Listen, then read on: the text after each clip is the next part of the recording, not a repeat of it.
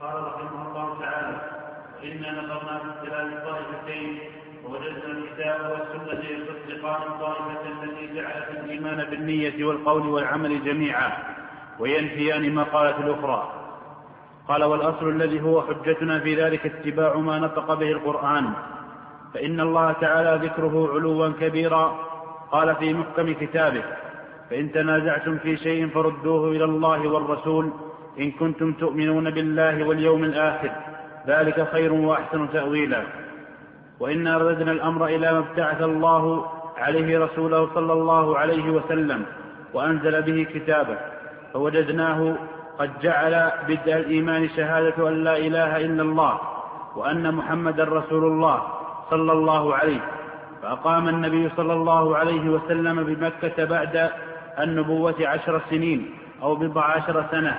يدعو إلى هذه الشهادة إلى هذه الشهادة خاصة. نعم هذا من شريف فقه المصنف. هذا من شريف فقه المصنف رحمه الله. فإنه أبان أن النبي صلى الله عليه وسلم أول ما بعث وهذا مجمع عليه بين المسلمين أنه بعث بالشهادتين. ومن قال الشهادتين فإنه يكون مؤمنا. ولهذا لم يكن عليه الصلاة والسلام يكتفي من أحد باعتبارها في قلبه بل كان لابد من التصريح بذكرها. ونتيجة هذا الاستدلال عند أبي عبيد أن اللفظ أو أن القول بالإيمان أصل فيه. ولهذا كان الشارع عليه الصلاة والسلام يعتبر ثبوت الإسلام والإيمان بالنطق بها على يقين في وتصديق في معناها. وهذا يبين أيضا أن أصل الإيمان هو أصل الإسلام أن أصل الإيمان هو أصل الإسلام ويبين أن أصل الإيمان هو تصديق القلب وهذا أمر أيضا تقدم الإشارة إليه. نعم. قال رحمه الله تعالى وليس الإيمان المفترض على العباد يومئذ سواها فمن أجاب إليها كان مؤمنا لا يلزم اسم, اسم في الدين غيره. وليس يجب عليهم زكاة ولا صيام ولا غير ذلك من شرائع الدين. وإنما كان هذا التخفيف عن الناس يومئذ فيما يرويه العلماء رحمة من الله لعباده ورفقا بهم لأنهم كانوا حديث عهد بجاهلية وجفائها ولو حملهم الفرائض كلها معا نفرت منه قلوبهم وثقلت على أبدانهم فجعل ذلك الإقرار بالألسن وحده هو الإيمان المفترض على الناس يومئذ فكانوا على ذلك إقامتهم بمكة كلها وبضعة عشر شهرا بالمدينة وبعد الهجرة. لما أثاب الناس إلى الإسلام وحسنت فيه رغبتهم زادهم الله في إيمانهم أن صرف الصلاة إلى الكعبة. بعد أن كانت إلى بيت المقدس فقال قد نرى تقلب وجهك في السماء فلنولينك قبلة ترضاها فول وجهك شطر المسجد الحرام. وحيثما كنتم فولوا وجوهكم شطره ثم خاطبهم وهم بالمدينة باسم الإيمان المتقدم لهم في كل ما أمرهم به أو نهاهم عنه. فقال في الأمر يا أيها الذين آمنوا اركعوا واسجدوا. نعم. واقتران خطاب العمل بنداء الإيمان دليل على أن هذه الأعمال تدخل في مسمى الإيمان وهذا معروف من جهة اللسان. من جهة لسان العرب فإن من خوطب بنداء مختص دل على أن ما وقع عليه الطلب أو ما وقع به الطلب هو داخل في اسم ما كان صفة له في ندائه أو لازما له. ولهذا لازما من مثل قوله تعالى يا أيها الذين آمنوا اركعوا أن يكون هذا الركوع لازما للإيمان أو داخلا في مسمى. نعم. قال ثم خاطبهم وهم بالمدينة باسم الإيمان المتقدم لهم في كل ما أمرهم به أو نهاهم عنه. فقال في الأمر يا أيها الذين آمنوا اركعوا واسجدوا. وقال يا أيها الذين آمنوا إذا قمتم إلى الصلاة فاغسلوا وجوهكم وأيديكم إلى المرافق. وقال في النهي يا أيها الذين آمنوا لا تأكلوا الربا أضعافا مضاعفة. وقال يا أيها الذين آمنوا لا تقتلوا الصيد وأنتم حرم. قال وعلى هذا كل مخاطبة كانت لهم فيها أمر أو نهي بعد الهجرة وإنما سماهم بهذا الاسم بالإقرار وحده إذ لم بالإقرار وحده إذ لم يكن هناك فرض غيره. فلما نزلت الشرائع بعد هذا وجبت عليهم وهذا رد على إشارة إلى شبهة بعض المرجئة والرد عليها فإن من شبههم وحججهم أنهم يقولون إن الإيمان كان ثابتا في أول الإسلام قبل العمل. فلو كان العمل أصلا في الإيمان لما أمكن ثبوت إيش؟ الإيمان في أول الإسلام. وهذا غلط من جهة العقل قبل أن يكون غلط من جهة الشرع. لما؟ لأن الإيمان هو ما وجب الإيمان به في كلام الله ورسوله. والعمل قبل فرضه ليس حكما إيش؟ شرعيا وهذه القاعدة التي فرضوها لو طردوها ما صحت لهم. ألم ينزل تصديقات بعد عصر الإيمان؟ أليس هناك تصديقات ذكرها النبي صلى الله عليه وسلم بعد كلمة الشهادتين؟ أليس كذلك؟ هذه التصديقات التي في القرآن كالتصديق بقصص الأنبياء مثلا من لم يؤمن بقصص الأنبياء والمرسلين في القرآن وكذبها يكون إيش؟ يكون كافرا. فالتصديق بهذا التصديق أو بهذه التصديقات أو بهذه الأخبار صار أصلا في الإيمان مع أن إيمان المؤمن قبل بلوغ الخطاب يكون يكون إيش؟ ثابتا. فإذا هم قالوا لو كان العمل أصلا في الإيمان لما أمكن ثبوته قبل فرض أي ثبوت الإيمان قبل فرض العمل.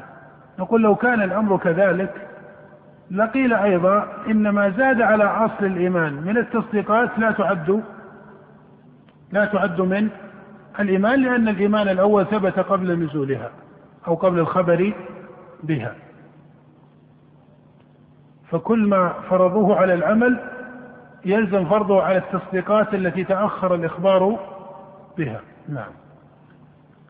قال رحمه الله وعلى هذا كل مخاطبة كانت لهم فيها أمر أو نهي بعد الهجرة وإنما سماهم بهذا الاسم بالإقرار وحده إذ لم يكن هناك فرض غيره.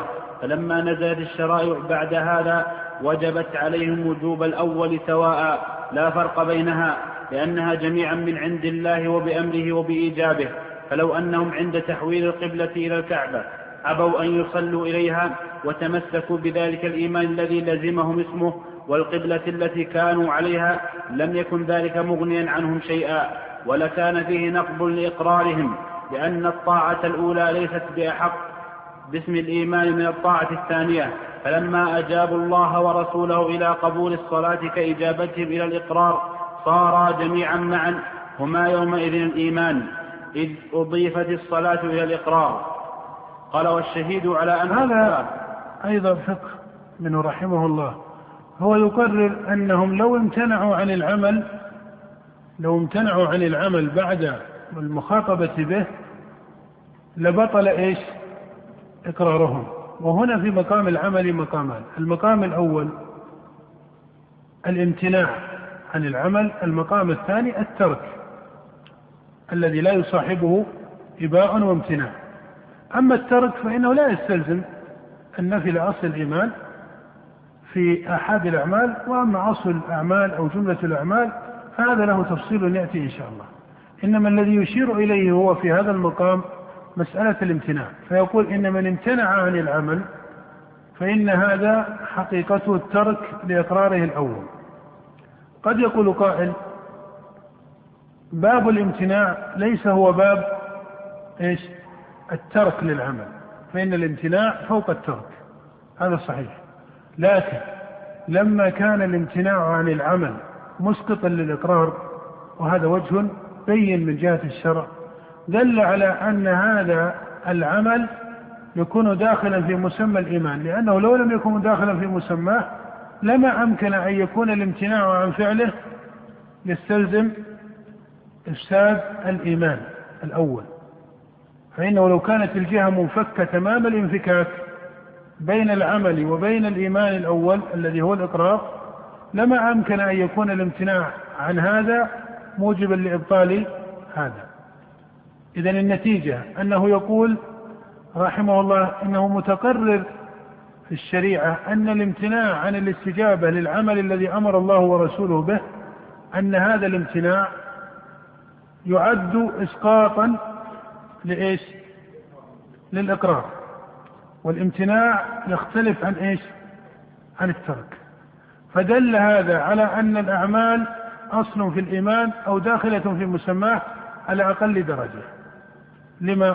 لأنه لو لم يكن العمل داخلا في مسمى الإيمان لما كان الامتناع عليه مسقطا لأصل الإقرار لاحظتم هذا هذا فقه شريف من الإمام رحمه الله ولا سيما أن كلامه يعتبر بوجه لكونه إماما في اللغة فضلا عما له من الإمامة في الشريعة. تمام هذا المعنى يكون بوجه آه، يلحق بكلامه أو إن شئت فقل يفصل به كلامه لا يحتاج إلى قدر من التأمل. من فقهه بان له أن كل من يقول بأن الأعمال لا تدخل في مسمى الإيمان قولهم ممتنع في العقل فضلا عن كونه غلطا في الشرع. تمام هذا المعنى الذي يشير إليه رحمه الله بهذه الطريقة مسألة الامتناع. موجبها أنه لا وجود في الشريعة لعمل ينفك عن التصديق. أليس جميع المرجئة فضلا عن فقهائهم المقاربين للسنة والجماعة يسلمون أن تصديق القلب هو إيش؟ أن تصديق القلب إيمان وبعضهم يقول هو الإيمان. فإذا مسألة التصديقات هذه القلبية لا خلاف بين الناس. أنها إيش؟ أنها إيمان. هذه المقدمة الأولى ضبطت. أليس كذلك؟ الطرد لها أن يقال كل عمل من الأعمال الظاهرة فهو مركب من تصديق وحركة ظاهرة. كل عمل من الأعمال الظاهرة كالصلاة والطواف بالبيت والسعي بين الصفا والمرأة والوضوء ونحوها كل عمل فهو مركب من تصديق ومن إيش؟ ومن حركة ظاهرة. فإذا انفك أحدهما عن الآخر امتنع ثبوت العمل في نفس الأمر. أي أو بعبارة أوضح امتنع ثبوت العمل في الخارج أي في الوجود. ما معنى هذا الكلام؟ أرأيتم لو أن إنسانا جاء وقال أنا أؤمن بالوضوء وأصدق بحديث النبي صلى الله عليه وسلم بالوضوء أو بالطواف بالبيت أو بالصلاة لكنه لم يفعل. هل يسمى مصليا؟ هذا يسمى مصليا؟ لا بإجماع العقلاء أنه لا يسمى مصليا. ولو كان مصدقا حافظا عارفا بماهية الوضوء والصلاة. إذا وجد عنده القسم الأول أم لم يوجد؟ وجد. أرأيتم العكس؟ لو جاء شخص وأظهر الحركة الظاهرة. لا نقول دون تصديق بل دون نية. هل يسمى فاعلا للعمل الشرعي؟ فمن باب أولى إذا فعله دون تصديق. أرأيتم لو جاء شخص وفعل فعل الوضوء لكنه لم يقصد به الوضوء قصد به التبرد. هل يجزئه أو لا يجزئه؟ هل يسمى؟ لو أن شخصا يبحث عن شخص في المسجد الحرام بين الطائفين وهو يبحث عنه يدور على الكعبة بحثا عن صاحبه.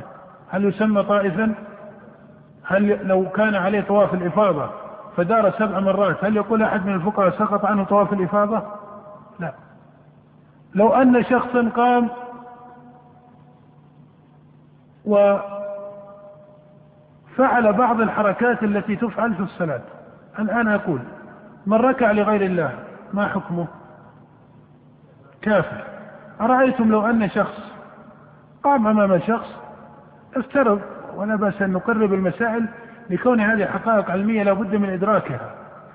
لو أن شخص قام أمام شخص وفعل فعلة حني الظهر من باب الرياضة مثلا أو من باب اللعب. هل يسمى هذا قد فعل الركوع لغير الله؟ لو قال له مدربه افعل كذا ففعل هل نقول ركع لغير الله؟ لا. لماذا؟ لأن هذا العمل أصلا لم تدخل عليه نية العبادة فضلا عن مسألة ارتباط هذا بكونه تصديقا واستجابة لله ورسوله هو يفعل فعلا عاديا. فإذا المقصود أنك ترى أن الأعمال الظاهرة الشرعية يمكن أن يفعلها بعض الناس على جهة عادية. لا يقصد بها فعل العبادة لا يقصد بها فعل العبادة. فهل تسمى أعمالا شرعية يسقط بها الوجوب ويحصل بها الثواب؟ الجواب كلا. فإذا كان كذلك فإن الأعمال الشرعية مركبة من جهتين أو قل من مادتين التصديق والنية وما يتعلق بالقلب وإيش؟ الحركة الظاهرة.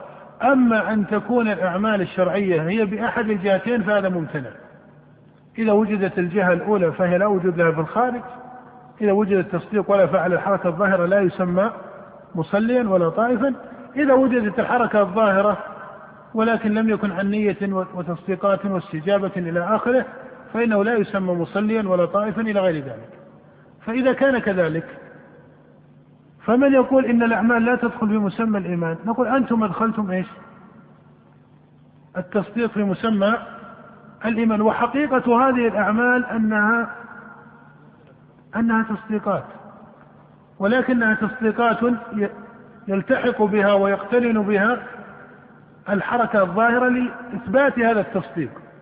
ولهذا ثبوت التصديق إنما يكون بتحقيق الحركة الظاهرة. ولهذا لا شك أن المصدق بالصلاة بقلبه حتى لو فرضنا جدلا أنه لا يكفر. هل هو كالمصدق الفاعل لها؟ أيهما أشرف تصديقا؟ في البديهة أن الفاعل أشرف تصديقا. فإذا إذا إذا إذا تأملت هذا الفقه بان لك أن قولهم إن الأعمال الظاهرة هي حركات فكيف تسمى إيمانا؟ نقول الحركات الظاهرة المجردة عن التصديقات لا وجود لها في الأعمال الشرعية. فإذا قيل الصلاة فهي قبل أن تكون حركة ظاهرة هي تصديقات هي استجابة هي نية في القلب إلى غير ذلك. وبهذا تعلم أن إدخال الأعمال في مسمى الإيمان لازم لجميع المرجئة لأنهم أدخلوا التصديق والأعمال مركبة من التصديق والحركة الظاهرة. وإذا انفكت أحد الجهتين عن الأخرى امتنع وجود العمل في الخارج عملا شرعيا. إذا تأملت هذه القاعدة عرفت أن إيش؟ أن الأعمال الظاهرة يلزم بضرورة العقل أن تكون داخلة في مسمى الإيمان. وعرفت أن قول السلف رحمهم الله إن الأعمال الظاهرة تدخل في مسمى الإيمان هو ضرورة شرعية لدلالة النصوص عليه وهو ضرورة عقلية وهو ضرورة. وتعجب من كلام بعض المرجئة كالأشاعرة يقولون هذه حركة ظاهرة فكيف تسمي الحركة الظاهرة إيمانا؟ هذا لا تعرفه العرب. العرب ما تعرف أن تسمي الحركات الظاهرة العادية إيمانا. وهل نحن نقول الآن مشي الإنسان إيمانا؟ أحد من علماء السنة يقول مشي الإنسان إيمانا وكل أعماله الظاهرة إيمانا والأكل والشرب إيمانا؟ كلا. يقصدون الأعمال إيش؟ الشرعية والأعمال الشرعية حقيقتها التصديقات قبل أن تكون حركة ظاهرة. ولهذا من لم يصدق بالصلاة كفر بالإجماع بخلاف من تركها وهو مصدق بها فالتصديق أشرف من مقام الحركة الظاهرة. نعم. قال رحمه الله تعالى والشهيد على أن الصلاة من الإيمان قول الله عز وجل وما كان الله ليضيع إيمانكم إن الله بالناس لرؤوف رحيم. نعم وما كان الله ليضيع إيمانكم أي صلاة من صلى إلى بيت المقدس. على هذا درج أئمة التفسير من الصحابة وغيرهم وهذه الآية من أخص دلائل السلف على أن الأعمال الظاهرة تدخل في مسمى الإيمان وإذا دخل واحد منها ولو كان هو الأشرف فإن غيره يكون كذلك. نعم. قال وإنما نزلت وإنما نزلت في الذين توفوا من أصحاب رسول الله صلى الله عليه وهم على الصلاة إلى بيت المقدس فسئل رسول الله صلى الله عليه وسلم فنزلت هذه الآية؟ فأي شاهد يلتمس على أن الصلاة من الإيمان بعد هذه الآية؟ قال فلبثوا بعد فلبثوا بذلك برهة من دهرهم. فلما أن داروا إلى الصلاة مسارعة وانشرحت لها صدورهم أنزل الله فرض الزكاة في إيمانهم إلى ما قبلها. فقال هم المرجع يجيبون عن هذه الآية وما كان الله ليضيع إيمانكم. يقولون وما كان الله ليضيع إيمانكم أي تصديقكم الأول بالصلاة إلى بيت المقدس. لأن وقت بيت المقدس وقت الصلاة إلى بيت المقدس هناك أمران التصديق بالصلاة إلى بيت المقدس واعتقاد أن هذا حكم ثم العمل. يقول وما كان الله ليضيع إيمانكم أي التصديق. تصديق المصدقين بوجوب الصلاة إلى بيت المقدس. نقول هذا ليس بصحيح. من جهة النظر في سياق الآية لغة وشرعا وعقلا. لما؟ لأن التصديق بالصلاة إلى بيت المقدس في تلك المرحلة هل آه، هو تصديق قصد الشارع آه، رفعه أم أنه قصد إيجاد حكم آخر من التصديقات؟ الثاني.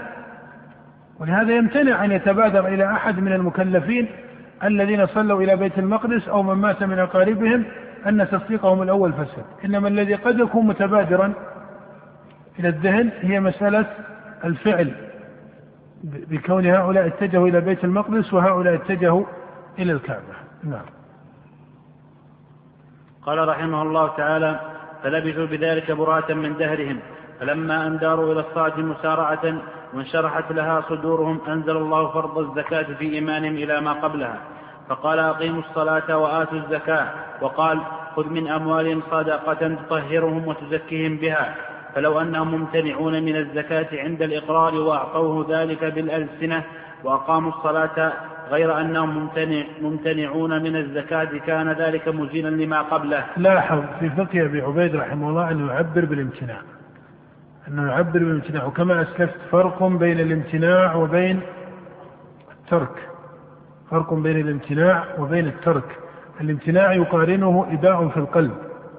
يقارنه إباء في القلب. بخلاف الترك فإنه من جنس ترك الفساق. ولهذا الممتنع من الصلاة كافر بلا خلاف بين السلف. والممتنع من الزكاة أيضا يكون كافرا. على شرط معروف فيه يأتي ذكره إن شاء الله. بخلاف الترك فهو محل نزاع. بخلاف الترك فإنه محل نزاع كما سيأتي إن شاء الله. نعم. قال فلو أن ممتنعون من الزكاة عند الإقرار وأعطوه ذلك بالألسنة وأقاموا الصلاة غير أنهم ممتنعون من الزكاة كان ذلك مزيلا لما قبله وناقضا للإقرار والصلاة كما كان إباء الصلاة قبل ذلك ناقضا لما تقدم من الإقرار والمصدق لهذا جهاد أبي بكر الصديق رحمة الله عليه بالمهاجرين والأنصار على منع العرب الزكاة كجهاد رسول الله صلى الله عليه وآله وسلم أهل الشرك سواء. لا فرق بينها في سفك الدماء وسبي الذرية واغتنام المال فإنما كانوا مانعين لها غير جاحدين بها. ثم كذلك كانت شرائع الإسلام كلها فكلما نزلت شريعة صارت مضافة إلى ما قبلها لاحقة به. نعم قبل هذا ذكره لقصة أبي بكر. لما قال رحمه الله والمصدق لهذا جهاد أبي بكر الصديق رحمة الله عليه بالمهاجرين والأنصار على منع العرب على منع العرب الزكاة. نعم حصل في زمن أبي بكر رضي الله تعالى عنه القتال لثلاث طوائف. الطائفة الأولى من ارتد عن أصل الإسلام وأعلن الكفر وكفر بالرسالة وبالله وبرسوله هؤلاء لا جدل بين المسلمين أنهم كفار مرتدون هذه طائفة شأنها بين على التمام. الطائفة الثانية من جحد وجوب الزكاة ورأى أن الزكاة شعيرة أو شريعة في حق رسول الله صلى الله عليه وسلم ثم بعد ذلك لا زكاة في الإسلام فجحد وجوب الزكاة.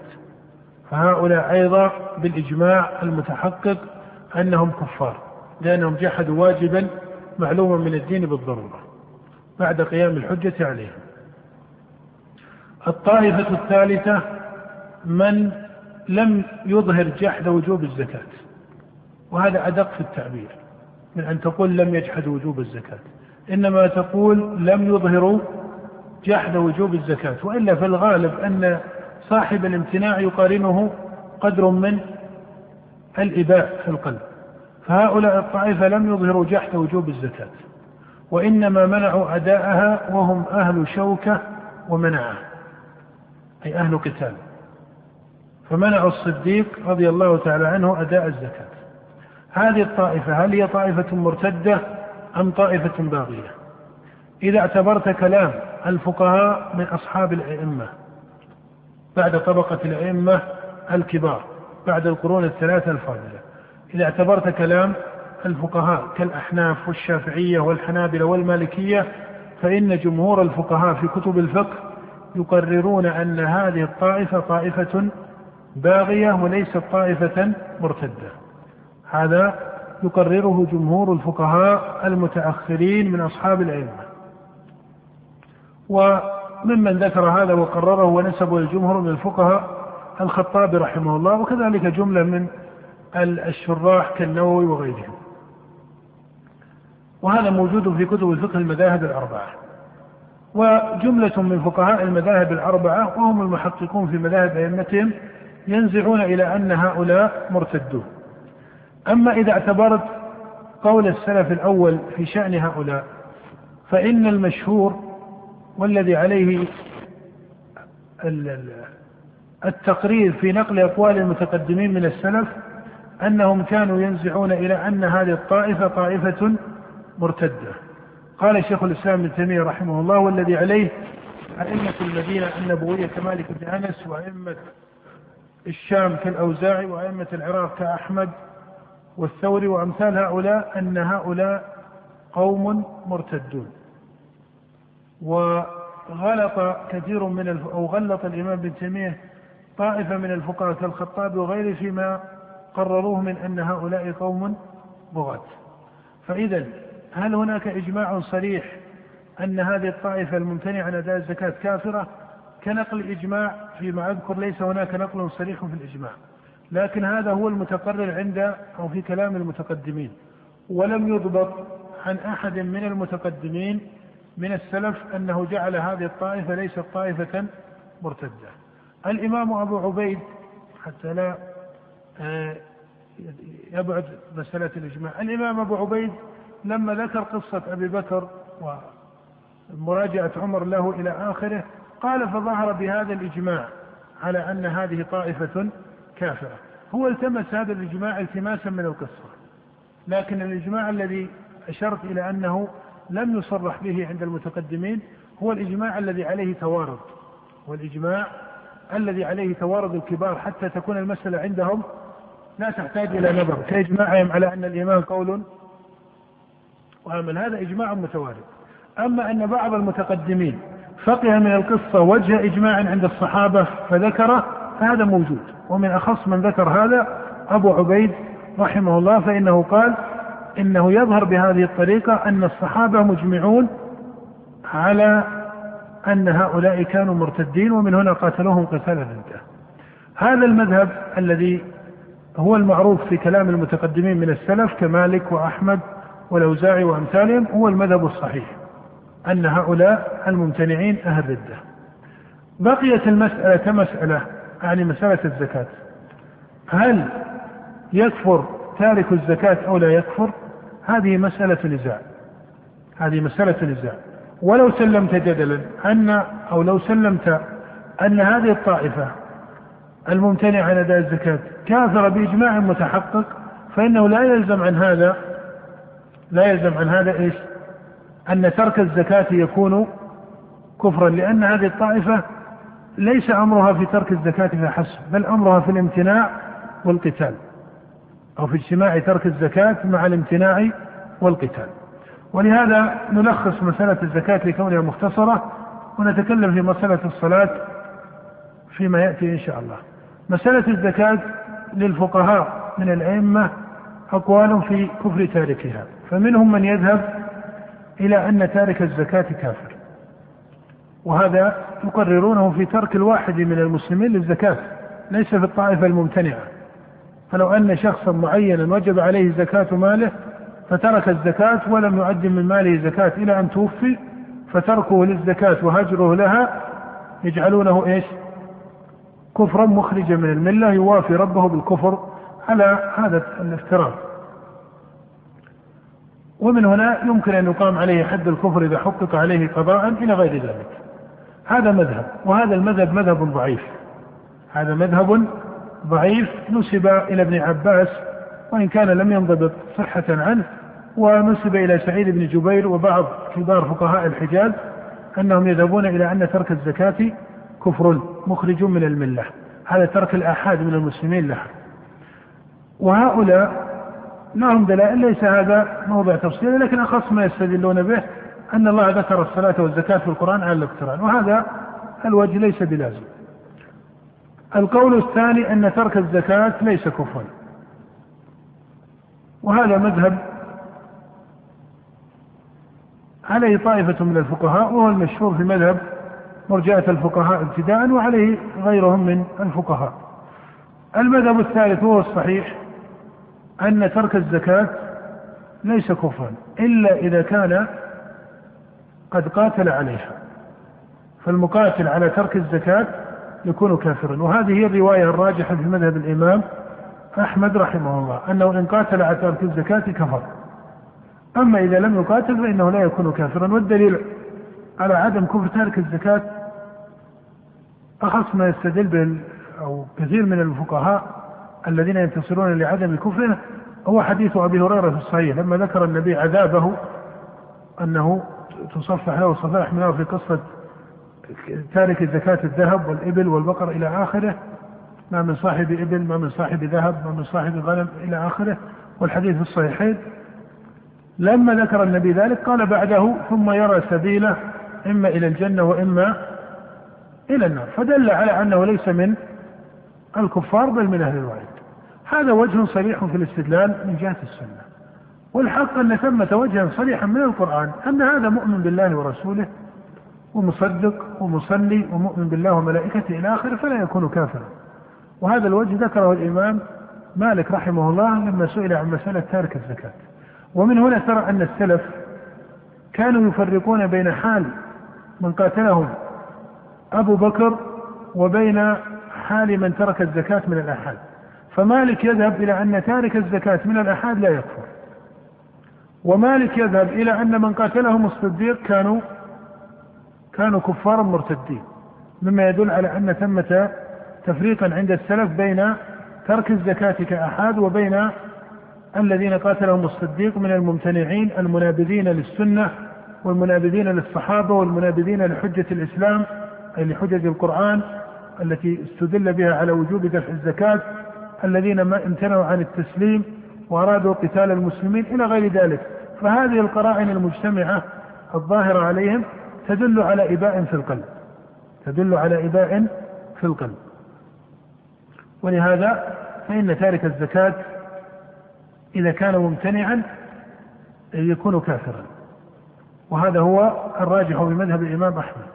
هذا هو الراجح في مذهب الإمام أحمد رحمه الله. ولذلك من دعي إلى فعل الزكاة دعي قضاء فامتنع من أدائها فقيل إن عقوبتك القتل كما هو مذهب لطائفة من الفقهاء فمن أخذ بهذا المذهب أن تارك الزكاة تقتل. فنقول من صبر على السيف أي على القتل مقابل أن يدفع جزءا من ماله زكاة فإن هذا لا يكون إلا عن إيش؟ إلا عن جحد وإباء. كما أن من دعي إلى الصلاة ولم يصلي حتى قتل فبالقطع أن هذا لا يقتل إلا إلا كافرا مرتدا. لأنه يمتنع عن عاقلا بل تمتنع غير العقل النفس الإنسانية الخارجة عن قدرة العقل والسيطرة. ولذلك حتى المجنون كذلك. لو قيل له افعل كذا وافعل كذا أشياء يسيرة وإلا تقتل لفعلها. فإذا من صبر إلى السيف فهذا لا يصبر إلا كافرا مرتدا مكذبا في باطنه لهذا الحكم أو ذاك. هذا ملخص هذه المسألة في قتال الصديق رضي الله تعالى عنه لمانعي الزكاة وما فيها من الخلاف بين المتأخرين والمتقدمين. وهذا يدلك على أن ثمة مسائل قد يحكي المتأخرون فيها مذهبا هو الشائع عند جمهورهم ويكون مذهب الجمهور من المتقدمين على خلافه. فإذا لا يلزم بالضرورة أن جمهور المتأخرين يوافقون جمهور المتقدمين بل قد يكون العكس. بل كما أسلف أنه لم ينضبط عن أحد من السلف المتقدم أنه صرح أن قتال الصديق لهؤلاء ليس قتال ردة ولكن مع ذلك هل هو إجماع متوارد قطعي؟ هذا متأخر. هل صرح بعض الأئمة بوجه كونه إجماعا؟ كفهم في الإجماع هذا موجود كأبي عبيد وغيره والله أعلم.